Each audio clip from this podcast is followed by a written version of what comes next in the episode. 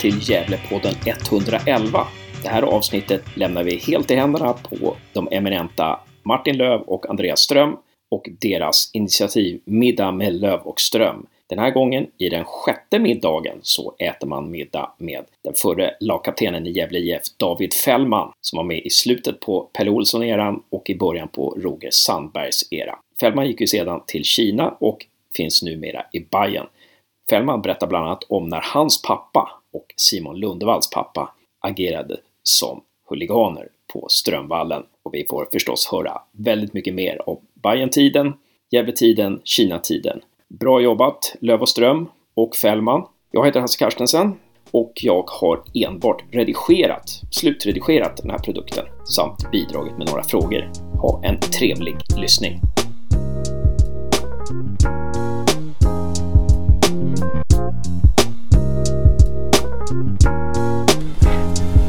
Ja, hallå där och eh, hjärtligt välkomna till ännu ett avsnitt av podden Middag med Löf och Ström. Det är nummer sex.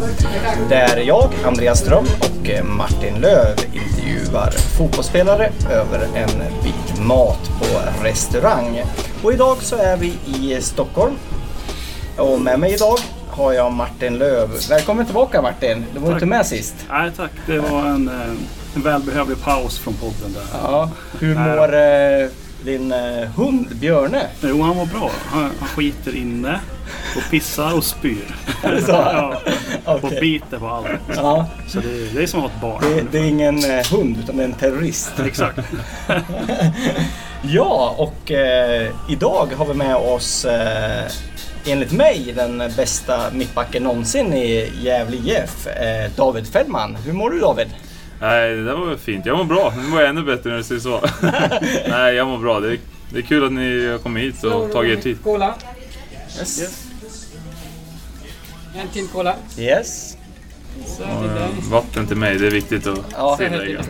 Tack. Fick vi lite dricka här? Ja, vi kan ju kanske nämna restaurangen vi sitter på. Det är ju alltså din favoritrestaurang där. Ja, det är en av de bra. Bamboo Asia. Ja, Jag, jag gillar sån mat. I Hjorthagen. I... Norra Djurgårdsstaden. Ja, precis. Ja. Så det är lite vietnamesisk käk här och lite asiatiskt överlag. Ja. Så yes.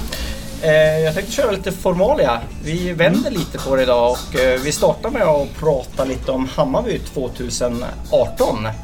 Säsongen som var. Och sen går vi över och pratar lite om eh, Gävle IF 2018. Och eh, ja, kanske åren efter, efter du lämnade. Eh, vi pratar lite om ungdomsåren.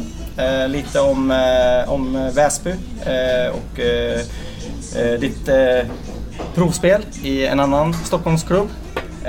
Vi pratar lite om din tid i Gävle IF och ditt äventyr i Kina och Dalia. Dahlia. Dalian. Dalian. Ja, eh, och sen pratar vi lite om, om framtiden. Vi får se hur mycket vi, vi hinner med här. Perfekt, perfekt. Men vi, eh, vi kan väl dra igång med, med, med ditt eh, första år i, i Hammarby. Och eh, då undrar vi lite hur, hur eh, övergången till Hammarby gick till och var det liksom självklart att det blev eh, Hammarby eller fanns det fler intresserade klubbar? Eh, nej, alltså det var från mig fanns ju en förhoppning redan efter första året i Kina att det skulle bli Hammarby.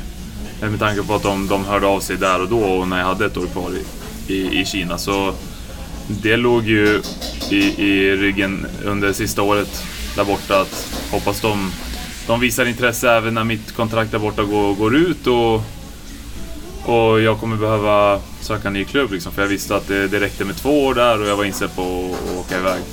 Eh, sen så hade de väl kommit till en punkt att de kände att de hade, de hade fullt med, med spelare på den positionen jag är och, och de skulle inte ta in någon mittback där och då. Så det kändes ju snopet och nej, det var... Där och då tyckte jag det var tråkigt men... Men jag hade, jag hade sagt till mig själv att jag skulle vara lite, lite iskall och, och hålla i det lite, det, det transferfönstret, att det var en sån tid för mig. Och även fast jag är rätt jobbig som fotbollsspelare, jag har sagt det förut, jag visste inte vart jag kunde hamna efter, efter att man drar iväg till Kina. Man vet att det kan vara, inte vara så populärt hos klubbar och hos tränare, men... Men eh, som sagt, det var, det var det, det vart bra och jag är oerhört glad att jag hade tålamod för i en, eh, i en perfekt värld så, så, så blev det här helt perfekt för mig och det, det var lite nästan bättre än vad man kunde tro att, att de kom där igen. Så ja, jag har varit jätte, jätteglad att, att, de, att de ville köra på mig. Hur skulle du beskriva ditt, ditt första år i, i Bayern då? Eh, och väldigt händelserikt och eh, otroligt inspirerande och, och eh, eh, nej, jag, jag har varit med om så många minnen som jag kommer ta med mig i min fotbollskarriär redan av ett år i, i en klubb. Jag tror inte jag kan slå ihop så många minnen i totalt sett i alla antal säsonger jag spelat i andra klubbar så det har varit fruktansvärt roligt och man, man vet inte riktigt vad man kan föreställa sig innan när man, när man är i den miljön eh, som jag har varit nu. Man vet ju bara, man har sett Hammarby utifrån liksom, men, men inifrån och vara en del av det, det Nej, det var, det, det var något jag inte... Det var, det var, det var, nej, det var jättehäftigt och jag är jätteglad att jag har varit en del av det. Ni blir ju fyra då innan det är färdigt. Eh, Ni tappar lite på, på slutet men eh, det är samma poäng som, som Malmö FF och, och det får man ändå se som en, en bra prestation. Ja, alltså, det är som när jag pratat med många som, vi, som man har sagt 58 poäng och man kommer fyra. Det ska vara för mig helt omöjligt. Och för många andra också såklart. Eh, jag tycker det ska leda till i alla fall minst en klar tredjeplats. Men nu, nu vart det så i år. Det var många bra lag där uppe och det var lite sämre lag i botten. Eh, och vi strulade till det i, i några matcher där vi inte hade behövt tappa poäng. Och det, man får ta det som en lärdom. Men men eh, att vi skulle ta 58 poäng som sagt, det var inte så många som trodde. Eh, även fast jag kände det direkt när jag kom dit att det finns en oerhörd kvalitet i den här truppen. Allt från ledare till spelare. Så att vi tog mer än 50 poäng, det var inte så överraskande för mig. Men, men jag tycker vi var i alla fall värda en, en tre, tredjeplats. Men det blev som det blev och vi har dragit lärdomar av det och jag vet att vi har, vi har mer att ge. Men om man ska vara helt ärlig, kan man vara helt nöjd när laget från Solna tar SM-guldet? Alltså nej, jag kommer ju aldrig vilja och vill inte i år heller att de skulle vinna SM-guld. Liksom. Så det, det är klart att man inte kan vara nöjd med det, men jag försöker inte tänka så mycket på, på dem. Helt ärligt. Utan det blir bara, okej okay, de vann, fine.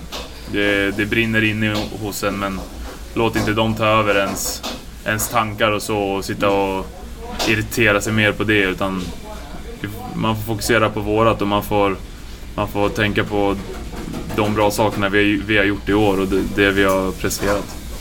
Är det så att det är mer fansen som fokuserar på, på den biten? Att det är just AIK då som Jo men, så, så, jo, men så, så, så är det ju. Tror jag också. Så ska det ju vara. Ja. Eh, vad jag förstår. och det är charmen i fotbollen också. Det är charmen i de här rivaliteten som finns mellan Stockholmsklubbarna.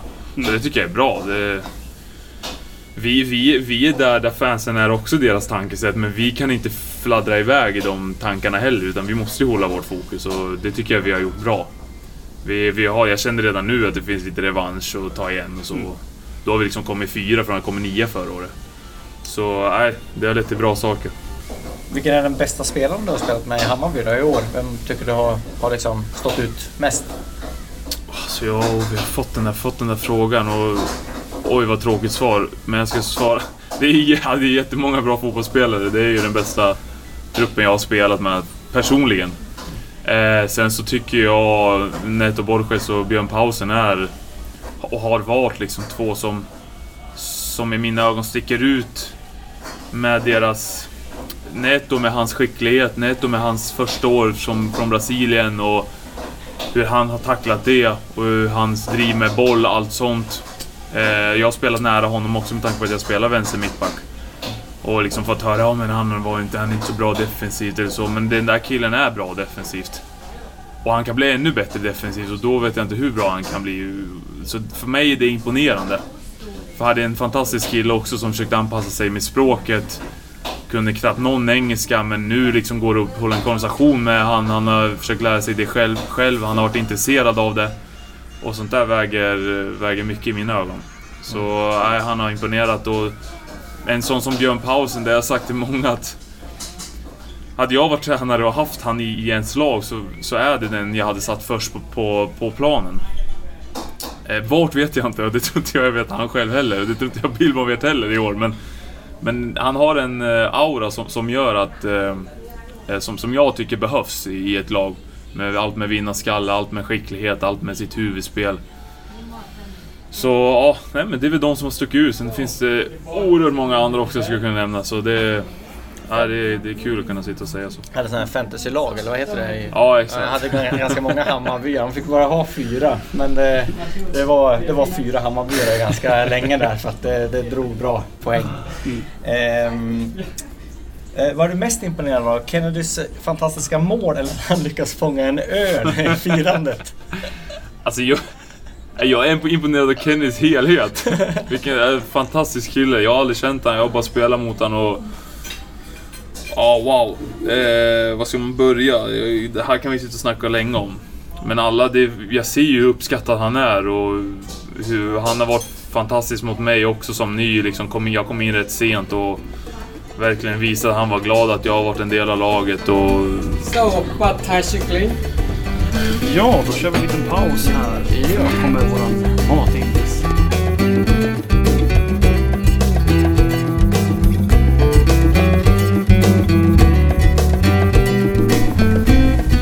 Då var vi tillbaka efter att ha käkat här. Vad, vad åt du Martin? Jag tog en pad thai. En pad thai? Ja, en klassiker. Det var, det smakade, det var en av de bättre faktiskt som jag ätit. Så Oj. det var väl lite, en liten vietnamesisk touch på den. Ja. Tror jag. Så, ja. ja, den var god. Vad åt du David? stekt ris med kyckling. Ja. Klassiker. Vad bra. Ja, det var bra. Ja, och jag käkade samma som David fast med räkor istället och jag tyckte det var eh, väldigt gott också. Så vi kan rekommendera folk som, eh, som eh, kommer ut hit och gå hit och käka. Eh, vi snackade om, eh, om Kennedy, eh, gjorde vi. Yes. Och jag ställde frågan om det här med ölen och målet och vi Ja. vidareutvecklade lite där. Ja, nej, det vart, det vart ju en stor grej det där. Det var ju snack om det i Brasilien överallt liksom. Så ja, jag tyckte det var, det var värdigt och det var, det, var, det var ju också ett minne för livet liksom. Man, man var där på plan och man fick se bollen gå in och jag såg när han fångade ölen. Jag fattade fortfarande ingenting utan jag försökte... Jag tror jag hade min max, eh, max hastighet i min karriär där när man sprang till han i hörnet där. Har, eh, har ni fått tag i han som kastade ölen? Ja, det är också. Jo, men det har de, ja. ja. Det har de. de eh, jag tror de gjorde något med honom, men jag kommer inte ihåg vad. Vi gjorde, vi gjorde en liten video där efteråt också. Som var en hyllningsvideo. Att vi hade förberett den där målgesten. Ja. Jag vet inte om ni har sett den, men den var, den Jag var, den var missade. jäkligt ball. Ja. Får kolla på den. Ehm, min gamla barndomskompis eh, Mattias Klargård som också är bayern fans han, eh, han undrar hur det kommer att gå utan Kennedy som kapten. Han har lagt skorna på hyllan nu. ja. Så svårt att säga, men alltså... Den som säger något annat än att man kommer sakna honom, den, den ljuger ju. så, så är det ju. Eh, Sen så får jag hoppas och jag tror inte heller att det ska påverka resultat med mera. För så pass professionella borde vi vara att det inte ska hänga på, på Kennedy liksom. Men, mm, men jag har ju märkt att hans, hans personlighet gör ju mycket. Bara han är där och är sig själv. Så det kommer man sakna. Eh, och jag hoppas, han har sagt det själv, han kommer komma ner lite då och då. Så man, det, man får nöja sig med, med de, den tiden han tar och kommer ner. Ehm, samma person undrar hur, vad betyder stödet från Bayerns fans och för dig som spelare och hemma och borta och sådär. Oj. Om man skulle kunna sätta ord på det så... Eh, det, det betyder väl det betyder nästan allt i, i, i, för oss och för, för, för vår prestation och eh, för vår uppladdning. Att veta... Min uppladdning börjar redan här när jag åker till till Tele2 till exempel på hemmamatchen och, och man vet att det kommer vara 25 plus. Och man sitter i bilen liksom och, och nästan ser, ja, men jag ser, man ser sig framför det här och man vet hur, och, att man liksom kommer kunna springa mil om det behövs. Och, och den känslan, känslan är få förunnat att, att kunna ha och det är första gången jag har i år. Men, eh, men wow, man, man, man växer och man, man får ut de här extra procenten som, som behövs för att skapa bättre resultat. Det, det måste jag säga. Och det är även, det kan jag tillägga, alltså bortamatcherna. Det är, det är fascinerande. att det är så många tusental varje, nästan varje gång. Ja. Det spelar ingen roll om vi spelar i Östersund eller om vi spelar i Malmö. Jag tror inte... Jag tror folk måste vara med om det här. Jag tror folk måste vara i, i den här klubben för att, för att förstå den betydelsen. Eh, det, det kan bli lite larvigt att försöka sitta och sätta ord på sådana här saker och ting. Alltså, när man får uppleva det så, så, så är det en, en speciell känsla och jag, jag unnar fler att få uppleva den. Mm. Vad betyder det för dig personligen att spela i Bayern? Eh, nej men som jag har pratat om tidigare, att det var, det var hit jag ville från att Hjelmberg, scouten, då visade intresse efter första året i, i Kina. Mm. Och det blir ju lite som en, som en dröm med tanke på att du vet hur pass stor klubb Hammarby är och du vet att... Jag kommer ihåg när jag var mindre att man liksom... Man så, det kändes lite overkligt att kolla på sån, ett, ett lag som Hammarby och så vidare. Så så ja, ja, jag har sagt det till mig själv och jag försöker njuta och jag försöker, eh, jag försöker påminna mig om det själv att det är en vardag jag är i och att det är få förunnat att få vara en del av, av, av Hammarby och den miljön som är och finns. Så jag försöker påminna mig själv om det och jag försöker ta vara på varje dag och varje träning och varje tillfälle att vara Hammarby-spelare. Jag tror det är viktigt. Det bör man göra med annat också. Det är inte bara fotbollen, utan det är livet i sig. Att man är frisk, det kan man ju nästan börja där. Ehm, Vi hade en till fråga om Kennedy, men det har vi nästan eh, gått igenom nu. Så vi hoppar vidare på nästa. Ni släppte in 35 mål i Mm. år i Hammarby. Och vad behöver förbättras defensivt offensivt för att, eh, att Hammarby ska vara i topp eh, 2019 och ta ett eh, efterlängtat SM-guld? Alltså 35 mål, det är, det är klart det är för mycket, det håller jag med om. Det, och samtidigt så... Det, fast jag gillar inte heller att sitta och, och skylla på sånt. För det är för mycket, men vi spelar ett sånt pass spel att vi vet att vi kan släppa in lite mycket mål. Blandat med att vi vet att vi kommer göra mycket mål. Och då blir det en avvägning där. Vi hade lite diskussioner om det där med Jocke Björklund. Eh, att vi försvarar och mål... Och målvakter känner ju hellre att vi håller nollan liksom. Medan Jocke och kanske... Ja men vinner vi med 3-2 så vinner vi. Det är A och O liksom. Och ja, så det är det. Det handlar om att vinna matcher. Eh, så, så det gäller nog att hitta en fin gräns däremellan. Eh, och jag tror att vi behöver inte så mycket till för att skala ner de där målen. Eh, plus att vi fortfarande kan spela det offensiva spelet som vi vill. Eh, och det har vi också pratat om lite nu efter säsongen. Och vi har några idéer och vi har lite mer tankesätt. Och jag, jag, jag, jag tror på stenhårt att vi kan, vi kan krydda med att stänga till lite mer. Och offensivt gäller det som, som vanligt när man säger ordet vi måste fortsätta. Och, och ordet fortsätta göra samma sak, det, det är svårare än vad det låter för det ska göras om igen. Göras om, göras om, göras om och, och det, det behövs en skicklighet till att göra rätt saker varje match. Och nu ska vi göra det nästa säsong igen varje match.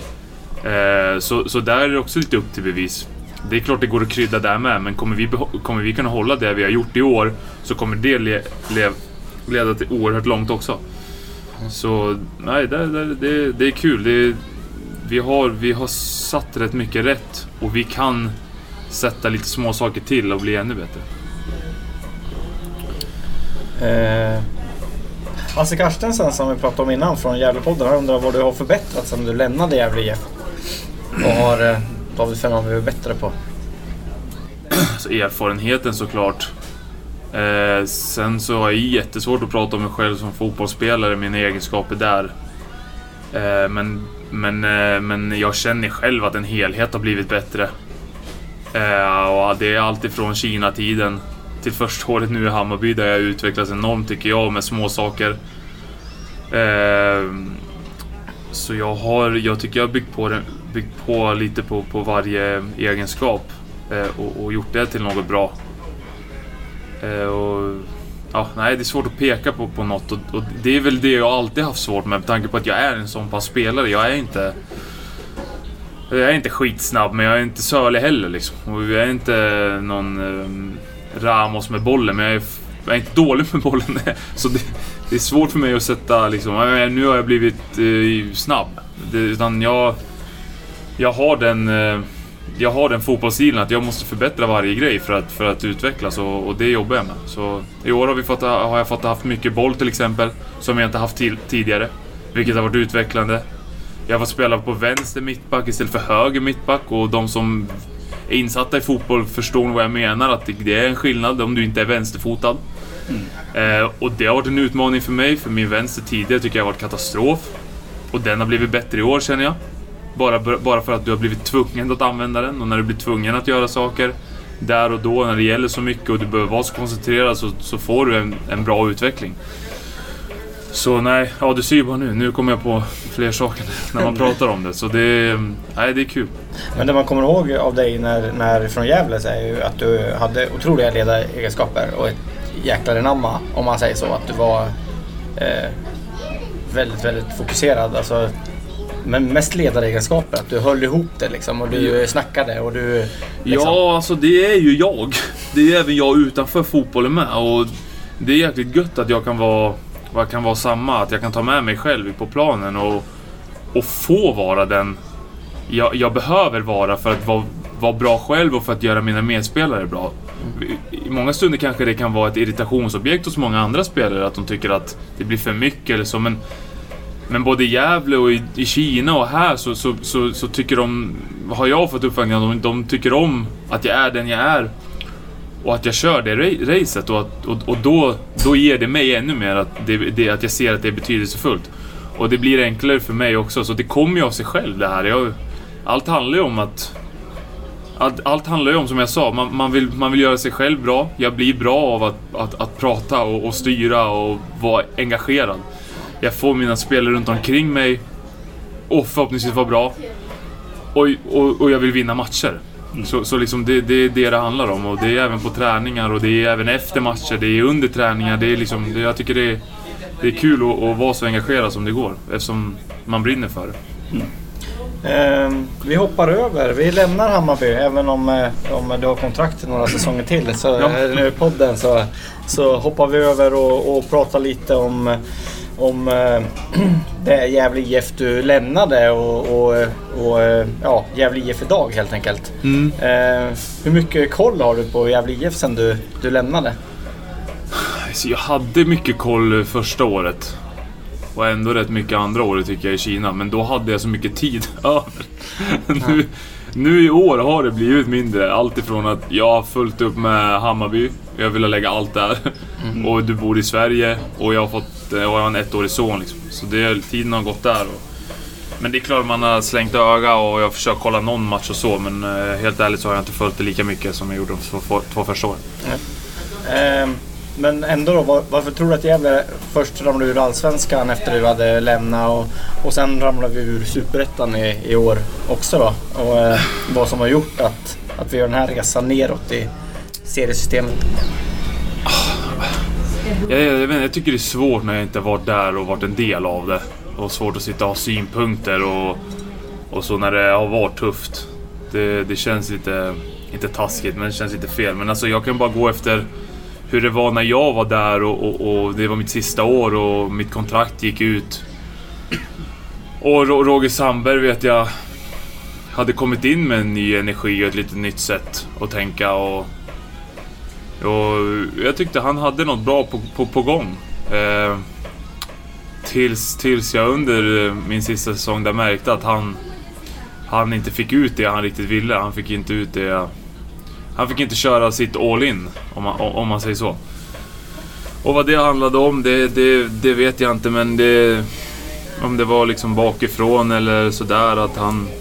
De inte tyckte att vi borde spela på ett visst sätt eller att vissa inte borde spela där och så vidare. Han, han fick i alla fall inte köra sitt race och jag tror, jag tror det började där. Jag, det är min feeling och jag, jag tycker det är synd för Du menar alltså att det var, nå- ja, att det var personer i, i klubben som bestämde hur, hur Roger skulle spela? Ja, lite hur Roger skulle sköta sin coachning, sin, sin tränarroll som tränare. Och Roger, Roger kom med ett nytt tänk som inte Gävle kanske är vana vid och var vana vid. Men han hade ändå många av oss med sig.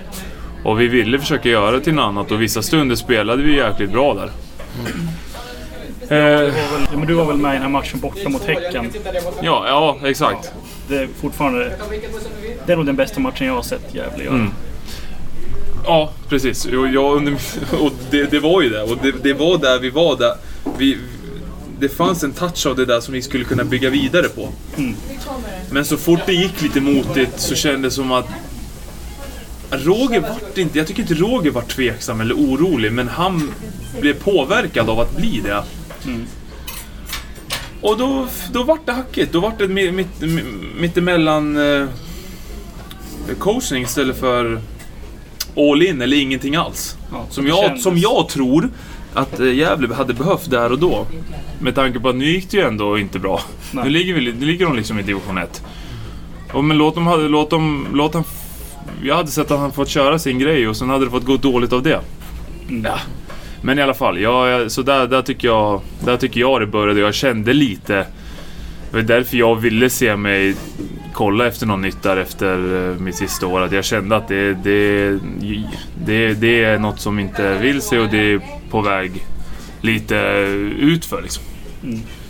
Tyvärr. Och det var inte så att man gav upp eller så men men när Roger inte fick med sig det så fick ju inte jag och resterande som ville vara med Rogers sätt heller med oss något. Så det... Ja. Nej, det var, det var den feeling jag hade och den står jag nog kvar vid än idag. Eh, Johan Nordström eh, undrar lite om hur du, hur du ser på Gävles chanser i division 1 nästa år. Om du har någon åsikt om det liksom. Nej, jag, alltså, jag har mer en åsikt om att jag vet att division 1 är jäkligt tuff. eh, man kan börja där, så tufft kommer det bli. Eh, Och det verkar som att Gävle nu håller på... Ja, de bygger om helt. Och ja. truppen kommer mer, och mer, eller mer eller mindre bestå av... Ja, och, och, Mackan och, Bengtssons och, och det tycker jag är jättebra. Det tycker jag är jättebra, för nu är det ett sånt läge där de behöver göra det. Ja. Men de behöver fortfarande hålla sig kvar i division 1, Ja. om jag säger så. Eh, Så, så det blir ju... Nej, det, det blir en utmaning ändå, även fast du kommer från Superettan. Och Det finns jättemånga bra lag i division 1 och du tränar minst lika mycket som Superettan och Allsvenskan. Så det behövs lika mycket energi och tider och tiderna i träningstiderna kanske är sämre för man behöver jobba lite. Så det krävs ju mer. Och, men jag, jag, tycker det är kul att Marcus är kvar och jag tycker det är bra att de gör på det här sättet med, med unga och kör en liten omstart. Ja. Målsättningen är ju att gå upp i eliten igen till senast 2025. Ja. Det är lång Ja, men jättebra. Nej, men jättebra. Eh, tror du att GIF har eh, fördelar i rekrytering av spelare gentemot andra klubbar i division 1 om man tänker på faciliteter och, och sådana grejer? Det tror jag. Det måste de ju ha med tanke på Gavlevallen och Gävle som ge- generell stad. Är idrottsstad, fotbollsstad. Ska vara ett eh, elitlag. Ha, många har liksom... När man tänker på Gävle så är det ett allsvenskt lag också. Det är många som har den tanken så... Det tror jag absolut de har. Det där kan de skrapa ihop bra spelare. Eh, jag får se om jag... Det har kommit lite sena, sena frågor här också. Så vi kan väl ställa kanske någon av dem här. Eh, eh Strömvallen eh, 1882 eh, alias på eh, Gävle IFs forum. Han eh, undrar hur varmt om hjärtat är Gävle jämfört med andra klubbar du spelat i? Väldigt. Eh, alltså, jo men väldigt varmt med tanke på... Jag, jag kom ju dit i en eh, liten speciell tid, två veckor innan seriestart. Och fick liksom förtroendet från Pelle, från Gävle, att de, de trodde på mig och... Eh, så, så, så utan de där fyra åren i Gävle så, så hade jag inte gjort den, den karriären jag har gjort hittills. Och vart en spelare är så man hör ju själv, det, det betyder väldigt mycket. Och därför, man, därför vill man dem allt väl och är tacksam till allt. Mm. Vi lämnar, vi lämnar Gävle idag och eh, går vidare lite på ungdomsåren. Eskilstuna, IFK Mariefred, Triangelns IK. Eh, som jag förstår det så är IFK Mariefred din, din eh, moderklubb. ja. Yes. Ja. Eh, hur var hur var IFK Mariefred liksom, som klubb? Har du spelat A-laget där? Nej, det har jag inte tror jag. Så tänker jag, nej, nej, nej, det har jag inte. Alltså det, det är ju en liten håla, 6-7 tusen invånare. Eh, och jag var, jag spelade eh, fotboll och hockey där och hockey var nästan sport ett. Jag spelade med Torelle och vi hade vår uterink så det var liksom i regn och snö och allt. Eh, Men fotbollen älskade jag med. Jag körde så mycket jag kunde och... Ja, jag kommer ihåg första 11 manna 11 manna matchen där kommer jag ihåg. Då, var det, då spelade forward och mötte arameiska syrianska tror jag. Så gjorde jag sex av sju mål, bara att jag sprang i djupled. Och var rätt snabb då. Så, och sen så vart det nedflyttat, nedflyttat i positionerna mer och mer. Nej, sen efter när jag var 13 år flyttade jag till, till Eskilstuna. Och då fick jag tag i Triangeln som där och då var ett väldigt eh, framgångsrikt eh, eh, pojklag. Eh, mm, bland det bästa, var det bästa i Eskilstuna fick jag höra och liksom fick, fick chansen där. Trivdes enormt. Byggde upp en bra, alltså en bra grund och blev liksom ännu mer älskad i sporten. Träffade bra kompisar och bra, bra tränare. Och där, hade vi, där, var det, där var det en bra tid. Mötte du, kände du Simon Lundevall på, på den här tiden? För han är väl från Eskilstuna Ja. eller? De var ju också i triangeln där. i ett- De är 88, 88 han Viktor Prodell Ja. och så några andra. Ehm, Men eh, de spelade ju i äldre då.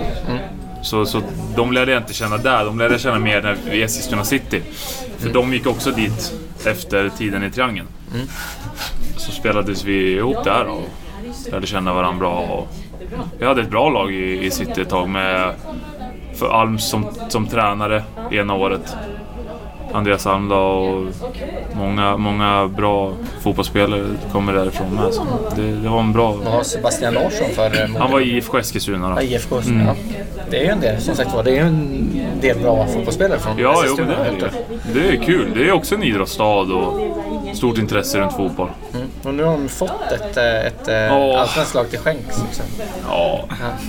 Det Alltså, jag, nej, jag, jag tycker det är så jäkla synd att man inte har slagit ihop Eskilstuna City och IFK Eskilstuna tidigare.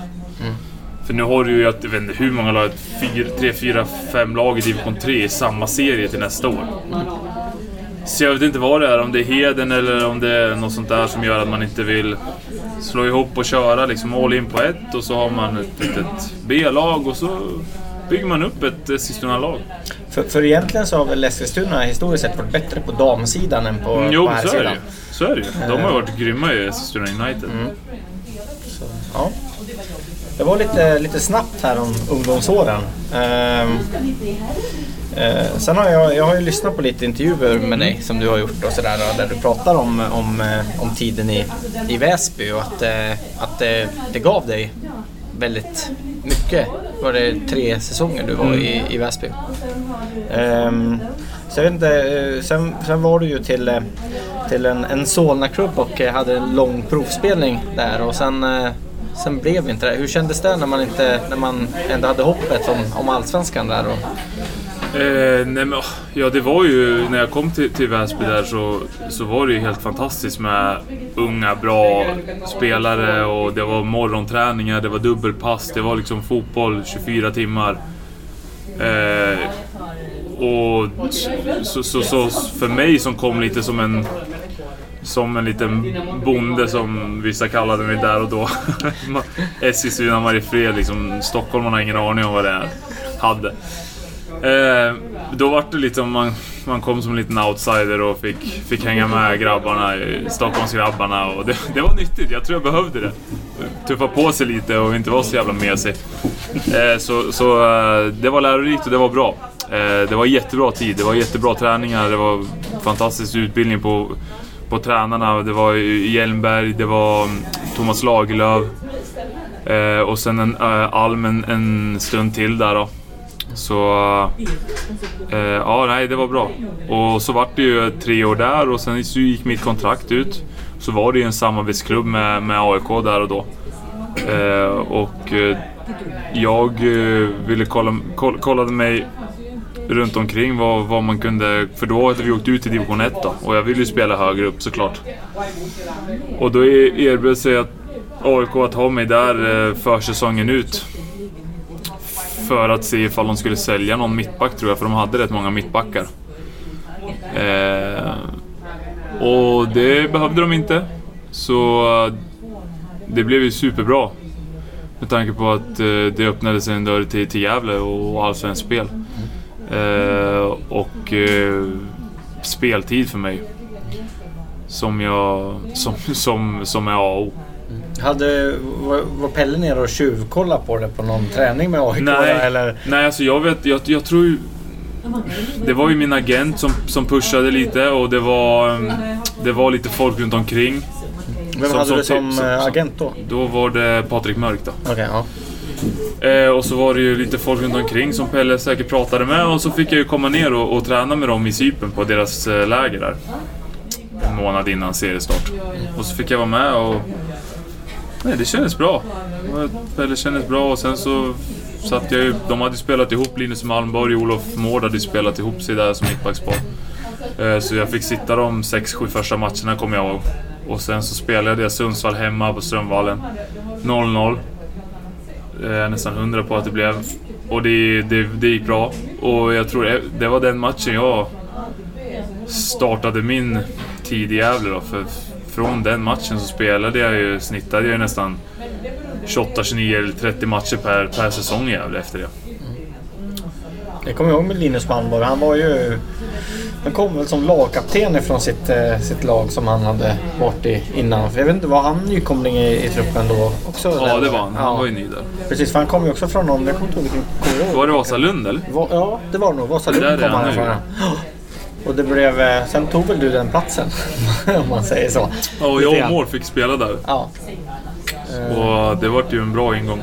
ja. Ehm, hur, hur skulle du säga om Pelle då? För Pelle hade väl de två första säsongerna i, i Gävle. Han en... Ja, men visst var det... När tog Roger över? Var det 2015 eller? Ja, Nej, jag tror jag hade... Nej. Han tog över... Roger hade jag ett år, så jag hade Pelle tre år. Ja, Tre år hade jag Pelle. ja. tre år ja. Hur var han som instruktör då? För backar, om man säger så? Hur, Ja, nej alltså, det, det, var, det, var, det var rakt och det var enkelt och det var tydligt. Eh, och jättebra. För, för, för i alla fall pers alltså personligen så... Det, det, gjorde, det, gjorde, det kändes rätt enkelt att försvara. Om man gjorde som han sa. Eh, och om man gjorde som han ville att man skulle. Så liksom vi krånglade inte till det så mycket. Och det har jag sagt tidigare med att Gävletiden var, var viktig i sig att, att det blev mycket försvarsspel. Jag fick försvara mycket mot bra spelare, mot bra lag. Eh, så, så där byggde man en, en bra grund för försvarsspelet. Jag försöker leta upp här. eh, ehm, det är en, en sån här gammal intervju som, eh, som, som Hans Carstensen gjorde för, eh, för Svenska fans. Mm. Där han frågar, eh, när du var ny. Ja, han frågar Pelle om vad dina styrkor är som mittback. Då säger han, han är brytningssäker, jobbar bra i ytan framför sig. Det var viktigt för oss i det här läget att ha en mittback som inte var passiv utan som vill vinna boll helt enkelt. Ja. Skulle det liksom Ja, nej, sammanfatta det- dig då? ja, men den är bra. Jag har hört fler som säger att de tycker det är bra att man vill gå upp i ytan och bryta boll och sådär. Så ja, nej det är, det är där än idag jag vill vara. Det är, det, är ju, alltså det är bra att vara aggressiv. Eh, Nu hade ju vi ett eh, exempel i år nu får vi Nathan mycket kritik här men eh, Nathan Sansara är en engelsk Ja. mittback. Och, och där kanske det blev fel eller för aggressivt när man åker på röda kort och man liksom... Det måste ju vara en avvägning det där också hur, hur hårt man går Ja. in i situationen. Ja, men du behöver inte, det handlar inte alltid om att du behöver gå hårt in tror jag i situationer. Det handlar väl om att du, du ska, att motståndaren ska känna att du är där liksom. För det är den ytan man vill åt, det vet jag själv som när vi anfaller liksom. Så behöver, man behöver inte alltid ta en duell heller. Eh, Så det är lite avvägning där. Jag hade ju inte speciellt många gula kort. Så för mig påverkade inte jag av att spela fult eller något sånt där. Har du fått något rött kort? Eh, Nå, men det fick jag i, eh, i en, första A-lagsåret i Eskilstuna. Okej, var- det senast. Ja, Ja. Det är ju ganska bra som mittback. ja Men jo, det är det ju är bra. Men jag, jag har sagt jag är rätt dålig på att spela fult. Alltså tyvärr. För det är, något, det är något man skulle kunna använda i vissa perioder. Men jag, och jag är dålig på det så det blir bara fel om jag ska försöka hålla på och, och vara ful liksom. Då spelar jag hellre tufft. Och ta det från där. För kan du inte vara tuff så ska du inte vara mittback, tror jag heller. Eh, men eh, men man, man behöver nog en ful sida med, så den, den får jag jobba lite på. Eh, Hasse Carstensen undrar vilken match eh, du minns mest från tiden i, i Gävle? Jag minns ju premiären på Gavlevallen. Det var, det var häftigt, det var kul. Det var Sundsvall hemma också va? Och så minns jag ju den där, min premiär. Sundsvall hemma. så mycket Sundsvall. Men det, är- nej, men det är de som sätter sig, det är, som har gjort avtryck. Och så såklart kvalet när vi har oss kvar mot Ljungskile. Då var jag där. Då var jag Var du där. Ja. Ja, Jag är granne, granne med Uddevalla så då var jag tvungen att vara där. Eh, så han har gjort ett mål i Ja, eh, ja, Gävle, exakt. Mot, eh, mot Hammarby. mot Hammarby.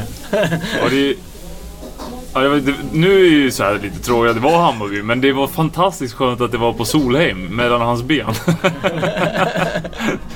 För det lever jag på än idag. Va? Det är rätt roligt att påminna honom om det. Han vet inte riktigt vad han ska svara. så ja, nej, det var ju mitt enda. Det där är ju något som... 1-1. 1-1. Bas- Besara gjorde 1-1. Han gjorde ett bra... Han fick till ett bra skott. Men eh, nej, det var... Ja, det kommer jag ihåg såklart. Det var det enda målet jag, har gjort i... Ja, som jag gjorde ett mot Malmö i år. Men det fick Niko vet jag. Ja, just det. Men jag är inte heller hundra på om det var mitt. Men det spelar ingen roll. Ge dem till forwarden bara. Låt honom göra mål. Eh, har du nå- någon kontakt med några spelare från, från Gävletiden? Fortfarande? Ja, men ah, kontakt, ja. Men det är, det är bara lite lätt så. Lanto pratar man lite med och Båta, men han är inte kvar där. Eh, men annars är det inte mycket. Nej. Nej, annars är det inget alls. Eh, vilken är den bästa spelaren du spelar med i Gävle då? Eh, jag skulle säga Simon Lundevall och Alexander Falsetas. Yes. Eh, har du något mer där? Eller ska vi spida fram till Ja, Kina? Ja vi, vi flyger över till Kina. Eh, ja, hur gick eh, övergången till Kina till? Det var lite intressant för du skrev ju på ett kontrakt där för, för Gävle och sen, eh, sen eh, eh, gick du över till Kina. Som för, för fansen så känns det som- du skrev på för att, eh, för att vi skulle få betalt för det. Ja, nej, alltså mitt mål var ju, och det hade jag sagt redan under det året, att jag ville att, att Gävle skulle få någon peng för mig. Och kunna använda den till något bra eftersom jag hade väldigt bra nytta av Gävle. Så man ville, det handlade ju om det, man ville ge något tillbaka. Och det blev bra, det, det blev lite hackigt där att eh, det fanns intressen och så. Och jag hade inte, i, i facit i hand hade jag inte behövt skriva på heller. Eh, och då kanske jag hade fått mer i mer egna pengar så att säga. Men jag ångrar absolut ingenting och jag tycker det var varit en jättebra lösning så jag är glad med hur det slutade. Vi fans, vi minns ju verkligen att det var väldigt fint av dig och så som det gick till då. Att Gävle fick lite pengar för det i alla fall. Det, Ja, nej, det, det är sånt som vi minns. ja, det var kul. Det, det är roligt. Hur- var det att bo i Kina då och livet om man säger utanför fotbollen? Liksom? Du sa förut att det var lite, lite ensamt. Ja, nej, det, det handlar ju om att det fanns så mycket, att- eller det, vi hade så mycket tid. Allt, allt tog ju sin tid där och, men nu var ju sambon med. Eh, och, och, så, så vi fick ju dagarna gå, vi gjorde det ändå till en vardag. Eh, men det, det tog sin tid att, att lära känna den vardagen och kunna anpassa sig då. Men jag tyckte vi hade rätt inställning. Vi kom dit med, med, med en bra inställning och det tror jag det handlar mycket om. Än att man åker dit och, och, och har lyssnat på vad, vad många andra säger och tycker om, om landet. Så, så det blir, som jag, det jag sagt förut, det blir vad man gör det till. Och, och vi gjorde det till något väldigt bra i två år och det gav, det gav mig och det gav eh, min sambo Alina väldigt mycket. Vid sidan av och, och även för mig på planen också. Mm. Ehm, vilken, vilken var det? Du, det var andra divisionen första året va? Eller var det bägge åren? bägge åren, Dalian Transcendence heter de. Ja, Ja. Vi var i andra ligan. Ja, Var det någon, liksom någon så här känd eh, gammal storspelare Nej. som spelade i... Ermin Siljak hade vi som tränare ett tag. Han, han har ju, var ju med och vann SM-guld vad jag förstår med Hammarby. Okej, Han ja. spelade åtta matcher eller något. Jag vet inte om det var att han var här det året. Men jag vet att han spelade åtta matcher eller något. Så han var ju, var ju tränare men han fick sparken. Jag hade fyra eller fem tränare under två år. Eh, Som i Gävle senaste ja. åren. och eh, ja, nej men sen var det någon brasse, en jätteduktig brasse och en kroat. Och så var det ju Erton Fisulao då som, som jag lärde känna. Eh, som var i Beijing innan och innan det var han i Djurgården. Eh, så det var, det, var, det var väldigt lyxigt att ha två svenskar i samma lag. Eh, hörde Gävle av sig någonting under den här tiden? Liksom ringa och checka läget och... Nej, Nej. nej, jag hade lite kontakt med Roger liksom. Bara av intresse för... Men det var liksom ingen, Men eh, ingen sportchef som hörde av sig? Eller Nej. Liksom och, nej. Nej. Okej. Ehm, nu glömde vi ju den där om Gävle. Ska vi dra den ändå? Den här du berättade om, eh, om eh, Lundevall och din... eh, Ja, ja, ja, ja men det, vi snackade om det nu när vi satt och käkade. Jag kom, vi kom in på en match. Eh, ja, det var AIK hemma på Strömvallen. Eh, och vad var det? Vad var, det? stod det 1-1 eller? Eller 0-0?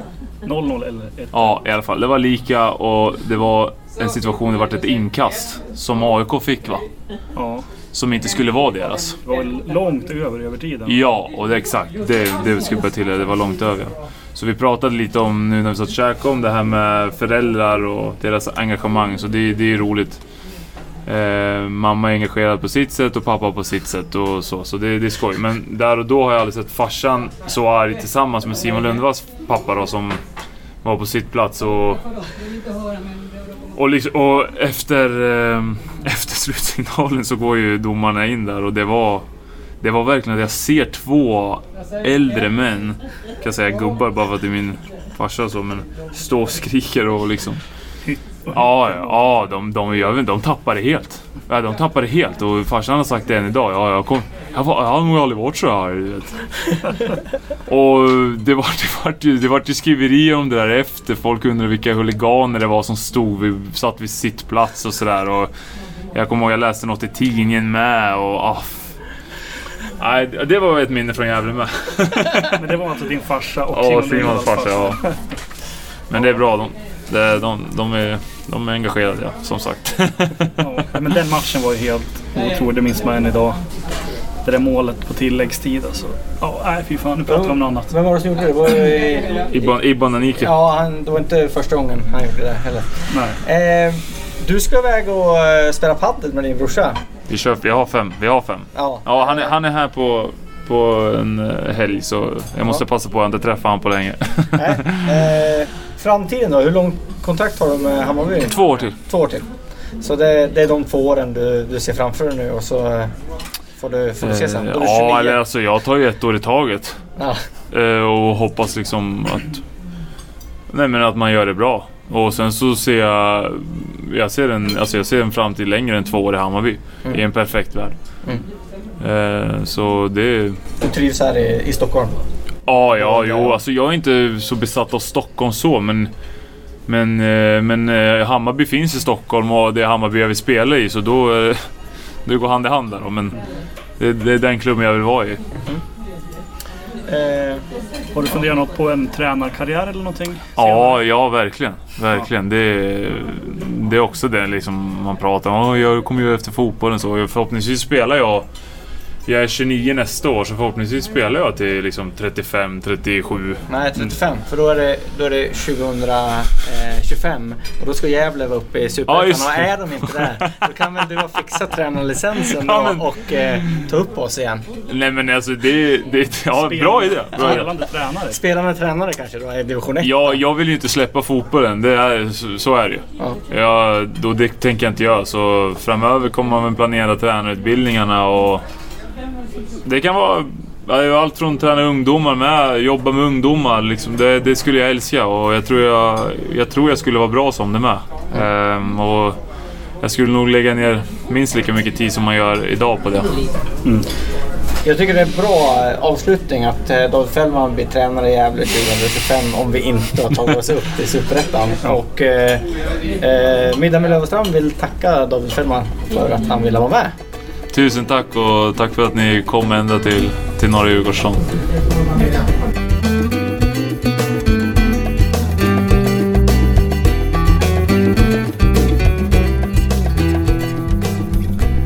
Ja, tjena! Det var Ström här igen. Hoppas ni tyckte avsnittet med David Fällman var bra.